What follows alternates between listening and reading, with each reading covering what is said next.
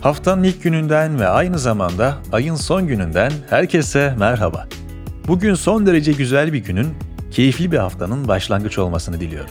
Umuyorum sesim size iyi bir zamanda ulaşıyordur. Ben Yakup ve 31 Mayıs pazartesi gününün Aposto 6.30 yayınını dinlemektesiniz şu anda.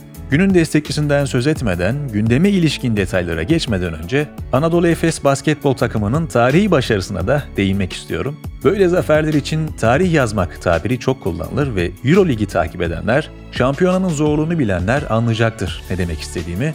Yürekten tebrikler. Büyük Hoca Ergin Ataman liderliğindeki tüm takımı kutluyorum, kutluyoruz. Bu şampiyonluk önce Anadolu Efes camiasına ve tüm basketbol severlere hayırlı olsun. Şu anda dinlediğiniz bülten İstanbul Kültür Üniversitesi destekleriyle ulaşıyor. Yüksek öğrenimdeki 24 yıllık birikimini kurulduğu 2009 yılından bu yana yayıncılık alanına taşıyan İstanbul Kültür Üniversitesi Yayın Evi, araştırma, düşünce, sanat, edebiyat, bilim, anı, biyografi, aile, çocuk gelişimi, eğit bilim gibi farklı dallardan yayınları okurlarla buluşturuyor. Ayrıntılar bültende. Güne başlarken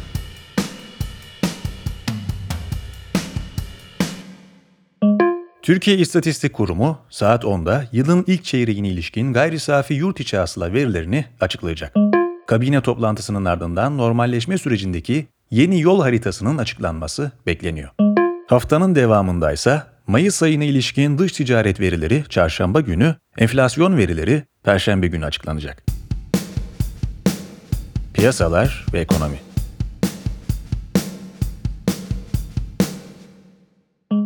Cuma günü Londra'da başlayacak olan Yediler grubu, G7 Maliye Bakanları toplantısının ana gündem maddesi küresel minimum kurumlar vergisi olacak. İlk olarak %21'lik bir vergi oranı teklif eden ABD yönetimi, geçtiğimiz haftalarda teklifini %15'e indirmiş, müzakerelerde bu oranın üzerine çıkmak için çabalanması gerektiğini ifade etmişti. Birleşik Krallık Maliye Bakanı Rishi Sunak, Mail on Sunday'e yaptığı açıklamada ABD'nin teklifine yakın olduklarını ancak büyük teknoloji şirketlerinin adil vergilendirilmesinin anlaşmanın bir ön koşulu olduğunu söyledi. İş Dünyası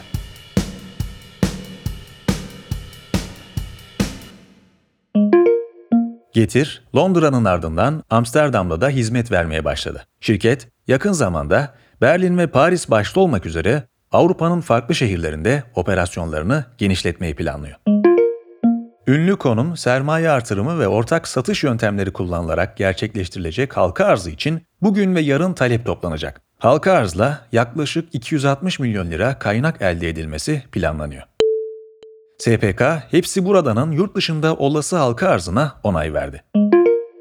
Çin merkezli tüketici elektroniği şirketi TCL, Arçelik'le işbirliğine giderek Tekirdağ'da akıllı telefon üretimine başladı. Şirket yıl sonuna kadar 4 cep telefonu modelini Türkiye'de üretmeye başlayacak. Total'in yıllık hissedarlar toplantısında şirket isminin Total Energies olarak değiştirilmesi ve 2050 yılına kadar karbon nötr hale ulaşmaya yönelik iklim stratejisi oy birliğiyle kabul edildi.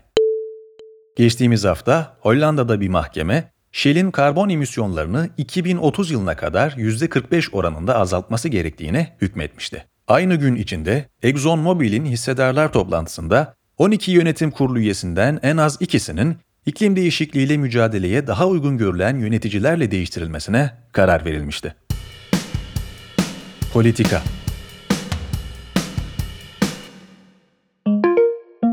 Suç örgütü lideri olmak suçundan aranan Sedat Peker, dün yayınladığı yeni videoda kendisinin Suriye'deki bayır bucak Türkmenlerine tırlarla silah gönderdiğini, TSK'dan ihraç edilen askerlerin kurduğu Sadat'ın ise kendisi üzerinden El-Kaide'nin Suriye kolu El-Nusra'ya silah gönderdiğini iddia etti. Peker, bir sonraki videosunda Cumhurbaşkanı Erdoğan'la helalleşeceğini söyledi.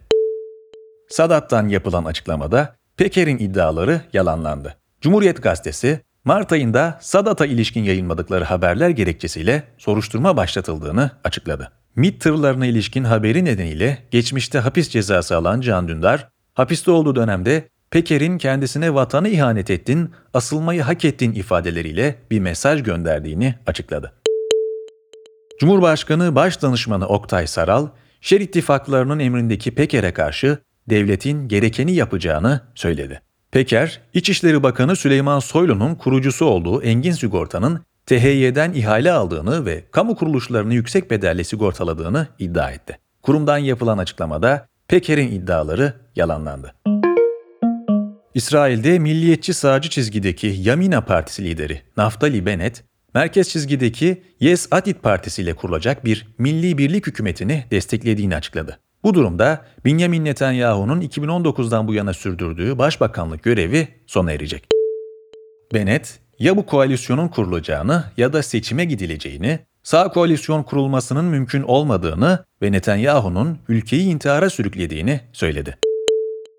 Kurulması muhtemel koalisyon, Netanyahu karşıtlığında ortaklaşan sol, sağ ve merkez kanattan partileri bir araya getiriyor. Çarşamba gününe kadar koalisyonun kurulduğunun açıklanması gerekiyor.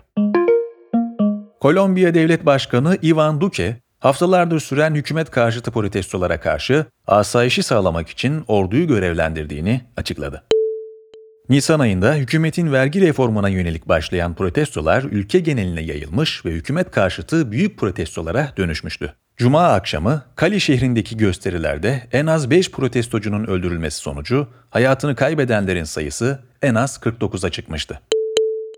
Bir başka Latin Amerika ülkesi Brezilya'da da Bolsonaro hükümetini pandemi yönetiminde başarısız bulan binlerce protestocu hafta sonu gösteri düzenledi. Kuzey Kore Devlet Ajansı KCNA, ülkedeki yetim çocukların devlet tarafından işletilen madenler ve çiftliklerde gönüllü şekilde para almadan çalıştığını duyurdu. Teknoloji ve Startup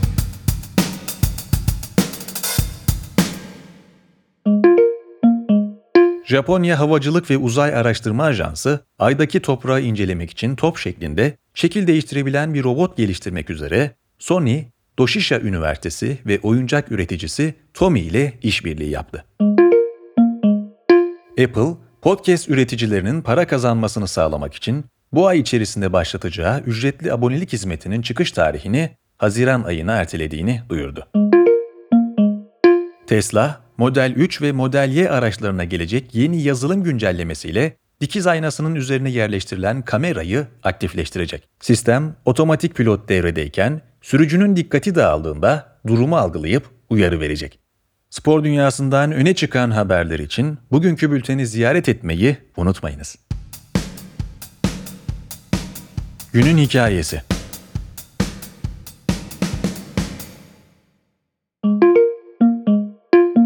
Marmara Denizi'nin özellikle durgun koy, körfez ve liman gibi alanları deniz salyası olarak bilinen müsilajla kaplandı. İstanbul kıyılarının yanı sıra adalar, Tekirdağ, Çınarcık, İzmit, Bursa ve Erdek'te de görülen müsilajın sadece yüzeyde olmadığı, 30 metre derine ulaşabildiği ve bazı noktalarda deniz yüzeyinin kuruduğu ifade edildi. Uzmanlar, yaşanan felaketin başlıca sebebinin atıklar olduğu konusunda uzlaşıyor. Kıyılarında 25 milyon insanın yaşadığı Marmara Denizi'ne yıllardır evsel atıkların yanı sıra lağım ve filtrelenmemiş sanayi atıkları da karışıyor. Birçok kıyının betonla doldurulmuş olması denizin sularını topraklara sürterek temizleme şansını da ortadan kaldırıyor. Havanın durgun olması ve su sıcaklıklarının artması gibi etkenlerin bir araya gelmesi de müsilajı ortaya çıkarıyor. Son zamanların en üzücü, en kahredici olaylarından biri bu ne yazık ki. Güzelim maviliklerin o görüntüsü, deniz canlılarının içinde olduğu tehlike, insanı müthiş bir huzursuzluğun içine hapsediyor. Bartu Özden günün hikayesinde bu olaya dikkat çekiyor ve detayları bizlerle paylaşıyor. Marmara Denizi ölüyor başlıklı hikayeyi okumak üzere sizi bültene davet ediyorum.